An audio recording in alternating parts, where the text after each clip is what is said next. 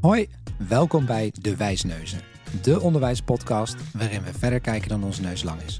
We zoeken uit hoe het zit en bespreken wat je ermee kan. En welkom weer bij de 17e aflevering van De Wijsneuzen. Mijn naam is Linda. En ik ben Wessel. Ja, en een heel gelukkig nieuwjaar gewenst. Ja, de beste wensen allemaal. Ja, we starten aan het tweede podcastjaar. Ja, Eh, dat is heel leuk. Maar ik ben ook wel benieuwd, eh, hoe ben je de kerstvakantie doorgekomen, Wessel? ja veel, ik denk zoals iedereen wel, kerstdineetje daar, kerstdineetje daar, oud en nieuw. Ja, hè, de bekende dingen. Dan hop, is de eerste week alweer bijna voorbij. Verder eh, veel ontspannen eh, en ook wel best veel bezig geweest, want we hebben deze week onze nieuwe website gelanceerd. En ja. eh, nou ja, daarvan heb ik veel werk mogen verzetten, wat hartstikke leuk is. maar ook zeker wat werk. Maar heel blij met het eindresultaat. Ik hoop jullie als luisteraars ook een mooie website vinden. Wij zijn in ieder geval allemaal wel blij mee. Het ziet er, past meer bij wie wij zijn, denk ik. ja, dus helemaal een nieuw year, new me. Nu, precies, precies. En jouw vakantie?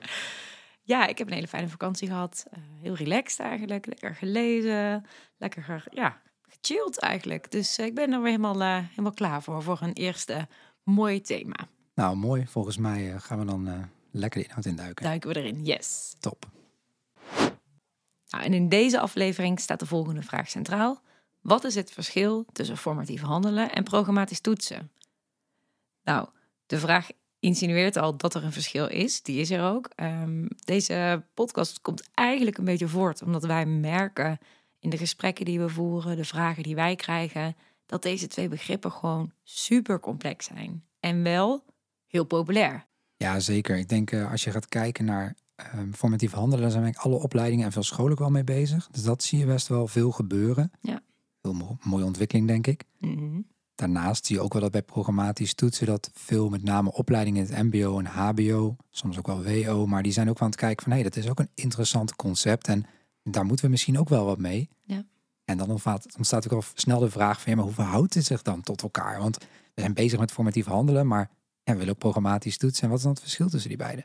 Ja, en wat ik vind het grappig wat je zegt over daar moeten we wat mee. Dan lijkt het alsof je al die dingen soort van moet afvinken als opleiding. Ja, zeker. Formatief handelen, yes. Oké, je programma's toetsen, ja. Ja, ja. en dat, dat, dat is- een zoektocht. En Ja. ehm, eh, nou ja, doordat wij ook wel regelmatig die vraag krijgen, wat is, wat is nu precies het verschil? Is het niet hetzelfde? Nee, maar wat is dan helemaal? Ja, Nou, ja, volgens mij hadden wij mede daardoor zoiets van, laten we er een keer een podcast over maken. verdient een podcast, zeker. En tegelijkertijd is natuurlijk ook de vraag, ja, het zijn echt twee containerbegrippen. Kun je ze wel naast elkaar zetten? En dat is denk ik wel iets goed om op vooraf te benoemen. We gaan eigenlijk twee begrippen, programmatisch toetsen en formatief handelen, naast elkaar zetten, vergelijken, die in bepaalde zin moeilijk te vergelijken zijn. Ze overlappen voor een deel. Ja. Het is ook een beetje appels met peren vergelijken. En dat maakt het zeg maar in de, nou, de tijd die we hadden beogen met deze podcast, hè, zo ongeveer kwartier, twintig minuten. Maar ik hoop en ik denk wel dat we zeker duidelijkheid kunnen geven. Maar het is best complex om deze twee begrippen goed naast elkaar te zetten. Dus dat, eh, dat gaan we proberen. Yes. En daarbij is het ook goed te noemen, er zit per definitie geen waardeoordeel achter. Zowel formatief handelen als programmatisch toetsen is ontzettend waardevol. En we willen proberen die twee, nou ja, vooral te duiden en op een manier naast elkaar te zetten. Maar ja, allebei is goed, allebei is waardevol.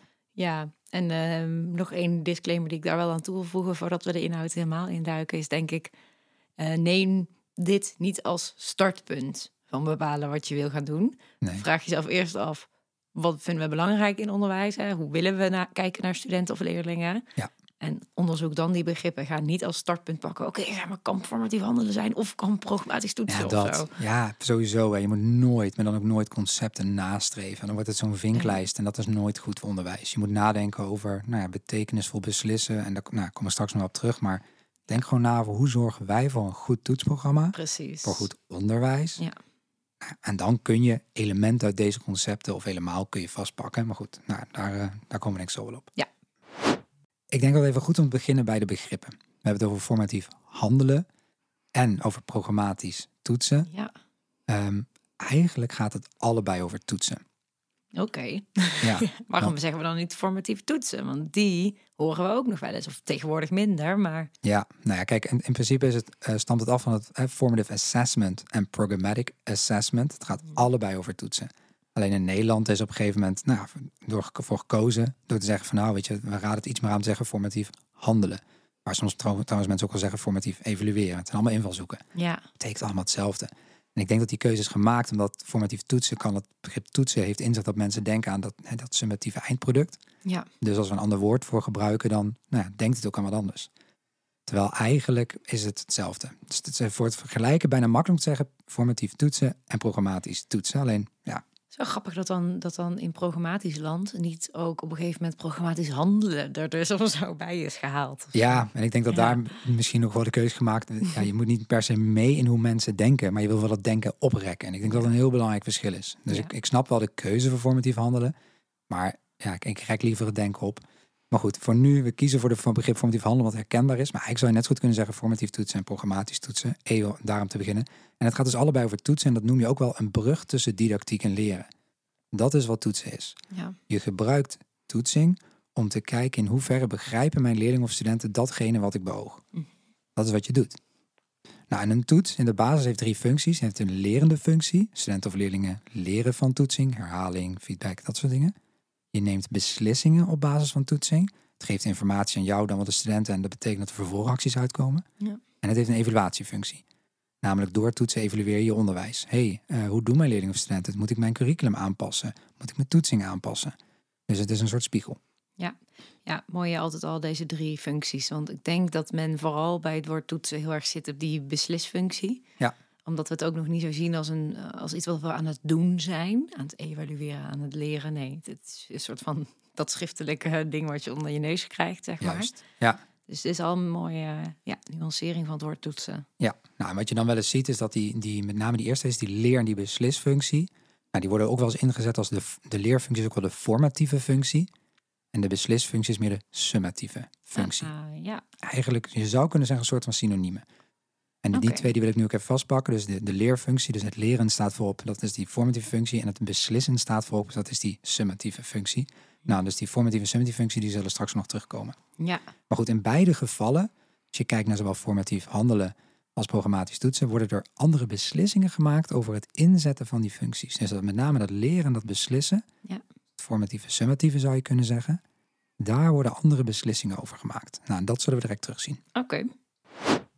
Nou, wat ik dan als eerste eventjes wil doen, is even drie scenario's schetsen. Je hebt eigenlijk drie scenario's van toetsen. En de literatuur hierover zullen we zoals altijd ook wel weer bij de podcast in het artikel op onze site linken. Mhm. Maar eigenlijk heb je in wezen drie scenario's. Nou, scenario 1 is, je hebt leerlingen en studenten, die hebben een periode les en die werken toe naar een summatieve beslissing op het einde.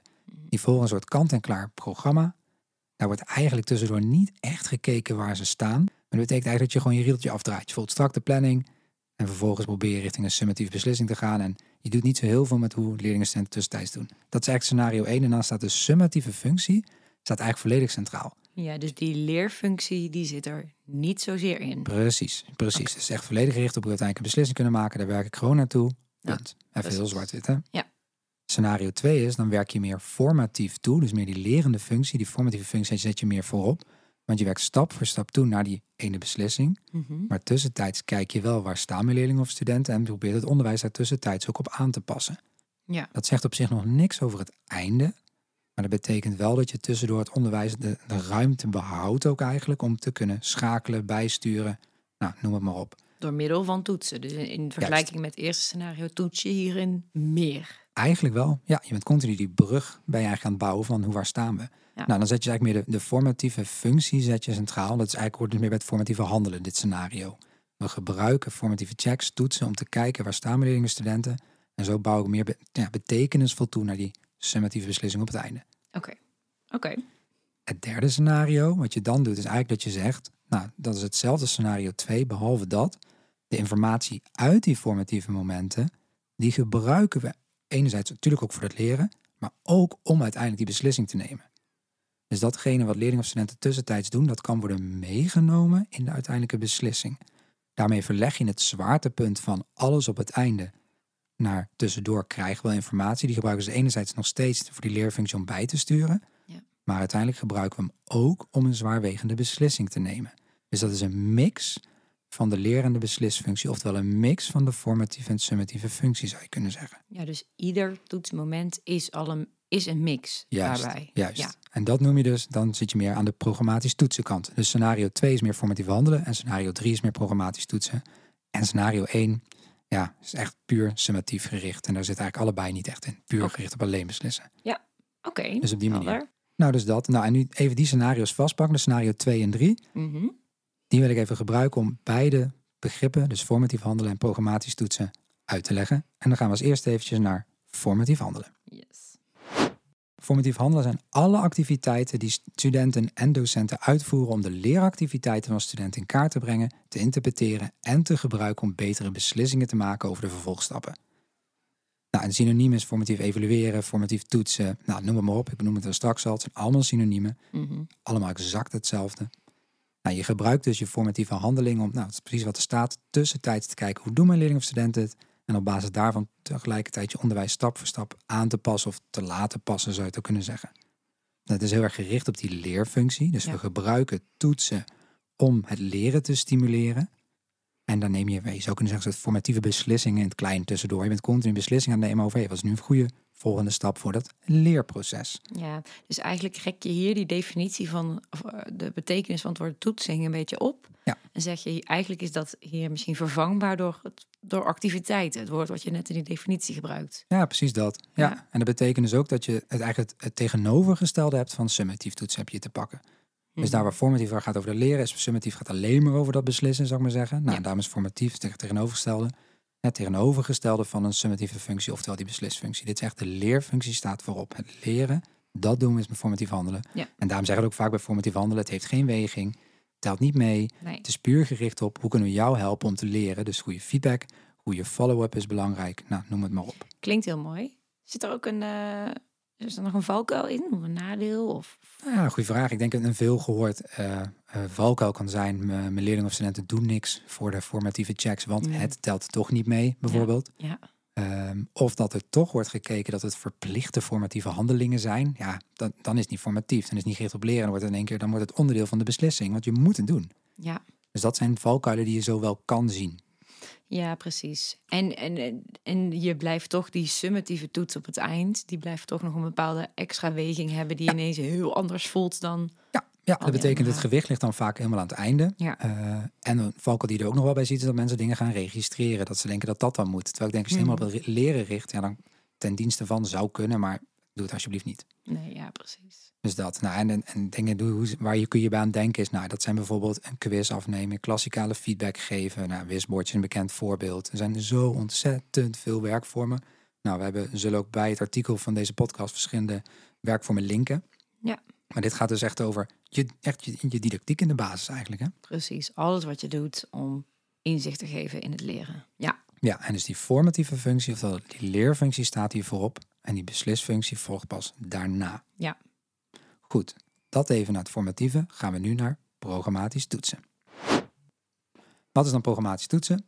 Een holistische benadering waarbij er wordt gekeken naar de gehele ontwikkeling van de student. Het doel is en het optimaliseren van de betrouwbaarheid van de beslissing en het stimuleren van het leerproces van de student. Hey, dat klinkt heel erg vergelijkbaar. Ja, Met- voor een deel wel. Ja. De eerste zin. Ja, precies. Zeg maar, of laten ze maar eigenlijk zeggen. Eh, en de eerste is die beslissing. Daar zit een verschil. Precies. Ja. Dus hier zie je ook heel erg duidelijk in de taal een mix ontstaan van die leer- en die beslisfunctie. Dit is ook wat meer een concept. Daar waar formatief handelen natuurlijk wat concreter en wat kleiner is, zou je kunnen zeggen. Wat niks trouwens met waarde te maken heeft. Dus programmatisch toetsen is natuurlijk wat een groter concept. Ja, precies. Nou, we hebben inderdaad ook nog een hele andere podcastaflevering waarin we nog wat meer ingaan hè, op die ontwerpprincipes ook. Precies. Ja, ja. Ja, vraagt wat meer aan de ontwerpkant wellicht. Juist, Oké. Nou, ja. En hier zie je dus een mix ontstaan van die leer- en die beslisfunctie. En bij programmatisch toetsen wordt er eigenlijk ook gezegd, daarbij gaat het dus niet meer over of formatief of summatief. Je mixt eigenlijk die twee principes. Dus al en en altijd. Het is altijd en en. Ja. Ja. Dus het is niet, we werken de heet het formatief toe met die formatieve functie richting een summatieve beslissing, terwijl die Mhm. summatieve functie. Maar je bent het eigenlijk in een zin doorlopend aan het mixen. Dat leren en dat beslissen. En dat betekent dus ook dat je zegt, wij willen uiteindelijk die leerfunctie, die willen we verstevigen door informatierijke momenten te creëren. Dat noemen we dus ook wel artefacten genoemd. Ja. Dat we heel bewust van tevoren al nadenken in het ontwerp, dan wel studenten daartoe zetten om bewuste momenten te kiezen. En uiteindelijk willen we die beslissing willen we dus niet meer baseren op een moment, wat soms ook echt een momentopname kan zijn, hè, bijvoorbeeld een tentamen. Ja. Maar wij willen uiteindelijk, willen we die, die informatierijke momenten willen we meenemen in die beslissing. Ja, precies. Ja, en wat, denk ik, wat mij betreft, een van de grootste uh, uitdagingen ook wel is, is uh, dat juist hierdoor wil je de, de druk, de prestatiedruk naar beneden halen. Hè? Want je zegt, Ja. er is niet meer één moment op het einde waar alles van afhangt. Uh, maar tegelijkertijd vraagt het juist om een hele veilige, lerende omgeving, omdat alles in die zin meetelt. Dus Ja. die- ook in woorden zijn hier zo belangrijk in. Absoluut. En dat is natuurlijk ook weer, als je net straks had het over de, de valkuilen van formatief handelen, dat kan hier echt een valkuil zijn. Want Ja. continu ben je wel dingen aan het doen die een beetje een dubbele laag hebben. Zo, Je moet ervan leren en dat hoop ook te creëren door ruimte te doen. Want die beslissing die is vaak ook naar een langere periode. Precies. Dus je dingen mogen ook even wat minder gaan. Nou, het voordeel is daaraan ook wel, denk ik, soms kan het even minder gaan. Maar als je daaromheen dingen goed doet, daar wordt ook naar gekeken. Ja. Dat betekent niet van, oh je kan het, maar oeh, net op een moment kan je het niet. Jammer dan. Nee, we kijken naar zo'n totale plaatje. Precies. Maar inderdaad, het is wel zo dat het die dubbele laag kan ook maken. Dat je denkt, ah, alles heeft wel een weging. Ja. ja en daar, dat gaat echt een beetje over visie, wat je daarvan vindt. Het raakt ook aan assessment as learning. Ja. Het wordt ook een continuum van toetsing genoemd. Je bent continu aan het toetsen. Het is voor het leren kan dat heel goed zijn. En tegelijkertijd kan het voor het beslissen ook heel waardevol zijn. Maar inderdaad, de valkuil kan ook zijn dat je, je bent continu wel bezig met richting die beslissing. Ja. Dus het heeft een beetje, ja, ook net als bij formatief handelen, ook hier zit de valkuil aan. Ja, zeker. En ergens vind ik het dus eigenlijk wel jammer. Misschien ga ik gewoon pleiten voor programmatie handelen. Nee, nee maar ergens is het wel jammer. Want eh, als je deze twee nu naast elkaar zet, wat we doen... ehm, voelt het bij deze alsof het vooral heel erg gaat over dat inrichten van zo'n toetsprogramma. Ja. Terwijl eh, dat handelen en de, de, de setting die hij creëert... is dus ontzettend belangrijk hierbij, juist. Ja, ja. Ehm, Maar dat woord, dat, dat, ja, dat kan daar een beetje van afleiden... als je dat niet Ja. helemaal... eh, Nou ja, je zou nou bijna pleiten inderdaad voor programmatisch handelen. Tegelijkertijd nogmaals, ik zou dat denken willen oprekken. Ja, nee, klopt. We moeten deze ook niet tegelijk aan elkaar willen gaan leggen. Maar Nee. ja, Nee, dat is zeker zo. Nou, en als je dan gaat kijken naar, naar waarom, hè, zeg maar de, de why van waarom is dit dan belangrijk? Nou, ik net Mhm. zei bij formatief handelen is het heel erg, je wil uiteindelijk betekenisvol toewerken naar, naar, naar een betekenisvolle beslissing toewerken. Dus dat die didactiek, dat leren staat voorop. ja, Nou, en hier wordt eigenlijk gezegd, en daar komt ook op programmatisch toetsen, komt uit de medische hoek, maar je ziet tegelijkertijd wel een meerwaarde in andere mbo- en eh, HO-sectoren. het gaat er ook om dat je wil uiteindelijk een beroepspraktijk beoordelen. Daar wil je wat van vinden. En die is vaak heel complex. Ja. Dat wil zeggen, er is vaak eh, veel samenhang tussen vaardigheden en kennis. Als je het hebt over puur platte kennis, is het bijvoorbeeld eh, de lerende functie. Als je het hebt over retrieval practice, dat is een leerstrategie, hè, dus dat, dat je kennis weer ophaalt, is heel nuttig voor het leren. Maar goed, een kennistoets in het HBO zegt zo weinig over wat je er in de praktijk mee kan. Dus daarom zeggen we ook vaak bij programmatische toetsen, die complexiteit maakt dat je die artefacten een integratie moeten zijn van kennis, vaardigheden, attitude. ja. Want dan pas kun je echt zeggen wat een student ermee kan. Ja, precies. Hè. Dus daar is deze, eh, deze manier van toetsen ook uitgeboren, inderdaad. En die behoefte om die, dat complexe leerproces goed beter te kunnen Ja, pakken. en dat, dat Ja. testeffect, hè, dat is dat retrieval practice. hè, Dat Ja. testeffect is super waardevol voor het leren, maar voor het beoordelen van complexe beroepspraktijk, Ja. daar wil je die integratie hebben. Ja. Je wil ook een diversiteit aan context hebben, want het feit dat je iets kan in een context, bijvoorbeeld met een bepaalde patiënt, maakt nog niet dat je het ook met andere patiënten kan. Nee. We weten ook dat ons brein, ook kennis trouwens, contextgebonden is. Dus je wilt liefst in verschillende contexten kennis ophalen en toepassen. Want dan pas kun je wat meer een valide oordeel vellen over kun jij dit? En daar dus echt een valide beslissing over nemen. Ja, ja, oké. En ik denk ook wel, ehm, waar ik ook zie dat wel eens begrip helemaal, niet helemaal strookt, zeg maar, bij mensen, is ehm, dat het toch voelt alsof ik al die verschillende onderdelen, dat ik daar heel analytisch naar kijk, bijvoorbeeld. ja. Daar vind ik allemaal los wat van. Ja. Maar dat is volgens mij ook niet helemaal hoe je programmatisch... Nee, en dat is echt dat. Ik denk op het einde kijk je ook analytisch inderdaad van alle onderdelen bij zo'n portfolio moeten Ja. allemaal voldoende zijn, bijvoorbeeld. Mhm. En bij holistisch kijk je echt, het is holistisch. Dus we kijken over het geheel. Ja. Wat vinden we in zijn totaliteit? Ja. En ik denk dat een hele belangrijke reden daarbij is dat je wil niet, kijk, scores reduceren informatie. Vaak zeggen we dan bij een toets, je hebt bijvoorbeeld een 7. Bij programmatische toets zit ook dat we echt op, op niveau van leeruitkomsten feedback kunnen geven. En dat zegt vaak veel meer over je Ja. leren. Nou, een belangrijke begrippen programmatische toets zijn datapunt, low stake, medium stake, high stake, data triangulatie, saturatie. Nou ja, Wij hebben al twee podcasts Luisteren, gemaakt over uh, programmatisch toetsen. Namelijk podcast nummer 5 en nummer 6. Over programmatisch toetsen en de didactiek bij programmatisch toetsen. Um, nou, daar zullen we ook een link in onze artikel. Ga daar vooral naar luisteren als je er hier meer over wil weten. Want nou, daar alleen deze podcast er niet voor, maar we hebben daar ontzettend veel over geschreven en besproken. Yes. Dan even naar dus het verschil, even samenvattend. Um, het is, gaat over echt andere keuzes maken in het beoordelen en beslissen. Andere keuzes maken in die functies. Het gaat ook over analytisch versus meer holistisch kijken naar het leren. Naar alle losse onderdelen of naar zijn totaliteit. Nou, en ik denk dat allebei de concepten kun je prima toepassen. Sterker nog, het is onlosmakelijk aan elkaar verbonden. Ja. Want in allebei zit de leerfunctie. Dus je bent ook automatisch, als het goed is, formatief aan het handelen. Want je kunt nog steeds een quizje afnemen. Je kunt nog steeds een vergelijkend, hè, vergelijkend beoordelen opdracht doen in je les. Betekent niet dat het alleen datapunten moeten zijn. Dat zijn wat betekenisvollere momenten over het algemeen. Ja. Daar maak je andere keuzes in. En die zullen heel erg verschillen per visie wat vind je? En context. Want ook allebei kan prima en allemaal concepten, kan overal gebruikt worden. Maar je moet raden gaan, wat vinden wij? En wat voor doelgroep hebben wij te maken? Waartoe leiden we op? Wat is daarvoor nodig? Maar het is hoe dan ook onlosmakelijk verbonden. Dus het is niet een vraag of-of. Daar moet je het helemaal niet over hebben. Per definitie trouwens niet. De centrale vraag die je volgens mij moet stellen is: welke informatie heb je nodig om welke beslissing te nemen? En daar je wil dus altijd gaan van hè, echt naar de decision-driven data collection. Ik wil een beslissing ergens over nemen. Kan ik dat doen op basis van één stevige toets? Of wil ik gaandeweg de informatie voor verzamelen? Wil ik het vaker terugzien? Of kan het op één soort meesterproef aankomen? Dat zijn dingen die kunnen bijdragen in die beslissing. Waartoe leid je op? Ja, nou, voor wat mij betreft uh, een ontzettend heldere samenvatting van twee hele complexe begrippen. In ieder geval een poging gewaagd. Ja, ik hoor in ieder geval de overeenkomsten als het gaat over meer aandacht besteden aan de leerfunctie. Ja. Dat doe je bij allebei, in je handelen, in je, in je taal, in alles. Uh, en inderdaad, vooral het verschil zittend op hoe wil je die, welke data wil je meenemen voor je beslissing. Ja, dat. En ga alsjeblieft niet hebben over hebben het een of het andere concept. ik vind het meest, maak als team bewuste keuzes voor een valide en betrouwbaar toetsprogramma. En ga niet aan concepten zitten, we hebben A of B, want daar win je het onderwijs ook niet mee. Nee, dan voer je echt het verkeerde gesprek. Juist, juist. Daar uh, ben ik het helemaal mee eens. Kijk lekker naar allebei, leer van allebei. En uh, nou, ga vooral op naar een naar goed onderwijs. Dat is het belangrijkste in ieder geval. Mooi hè? Ja. Yes. Nou, dit was uh, de zeventiende aflevering alweer van de Wijsneuzen. Uh, dankjewel Wessel voor je uitleg. Graag gedaan. Dankjewel luisteraar weer voor het luisteren. En tot, tot de, volgende. volgende.